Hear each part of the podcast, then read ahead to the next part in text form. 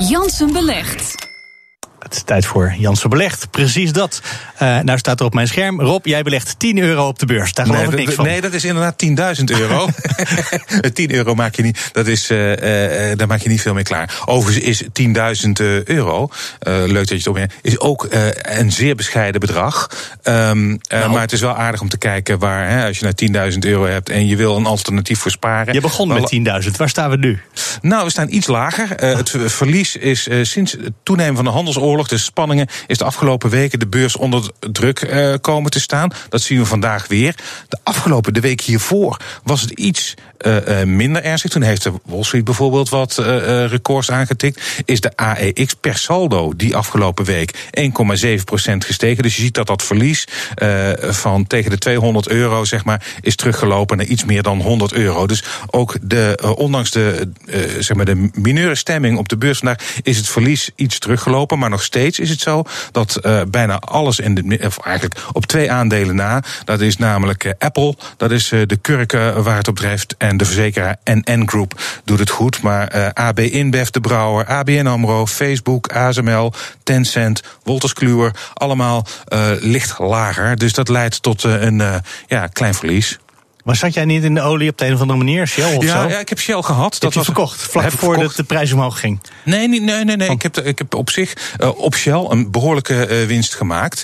Uh, dus dat is, was op zich niet verkeerd. Um, maar je ziet inderdaad nu dat de koers oploopt. Je ziet ook dat op dit moment Shell weer tegen, op 29 euro bijna staat. en de grootste stijger is in de AEX. En je kan je afvragen, moet je gaan moet je op die golf gaan speculeren. Dat doe ik niet. Als je nou meer naar de lange termijn kijkt, zou je je wel kunnen voorstellen. Er zijn veel investeringen aangekondigd in de olieindustrie. Het is misschien wel interessant om eens te kijken naar toeleveranciers in de olieindustrie of serviceverleners in de olieindustrie. Of het niet zinnig is om daarin in te beleggen. Ik zie nu dat Fugro, wat op zich niet zo spectaculair verleden heeft de afgelopen periode, nu ook 3,1 procent hoger staat. Een na grootste stijger in de midcap. Dus daar zou ik ook nog uh, geld op kunnen inzetten. Ja, wordt het dat? Heb jij nog een kritische uh, gedachte? Dat je denkt, nee, maar olie, dat moeten we niet doen. Dat is immoreel in deze tijd. Nou, we hebben dat wel eens eerder gevraagd aan, uh, aan, aan Rob. Toen hij natuurlijk en met toen zei hij, het gaat gewoon Shell, om geld. Toen zei hij, ja, nou, kijk, in dit geval kijk ik even alleen naar de...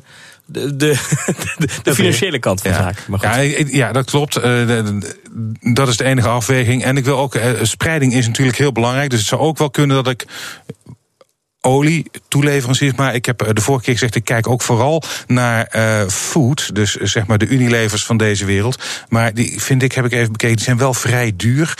Um, Nestlé helemaal duur, dus dat vind ik nog een beetje een lastige. Ik zat wat te denken, als die olieprijs nou inderdaad hè, dat straks zo blijft stijgen, hoog blijft staan... en we gaan ja. inderdaad 2 euro per liter betalen... kan ik me wel voorstellen dat het misschien interessant is om nu juist te beleggen... in bedrijven die vol in die energietransitie zitten. Want die gaan dan misschien wel daar uh, de ja. vruchten van plukken. Ja, dat, dat de benzine zo duur wordt dat we overstappen op uh, ja. elektrificatie. Ja, ik denk eerlijk gezegd dat je de, de, de, dan kun je denk ik toch beter gewoon nog even in olie zitten, want daar gaat het geld sowieso, daar gaat de cashflow naartoe. Jij denkt ook altijd aan onze planeet, hè?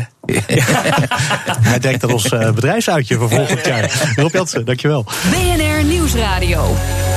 Mark Beekhuis.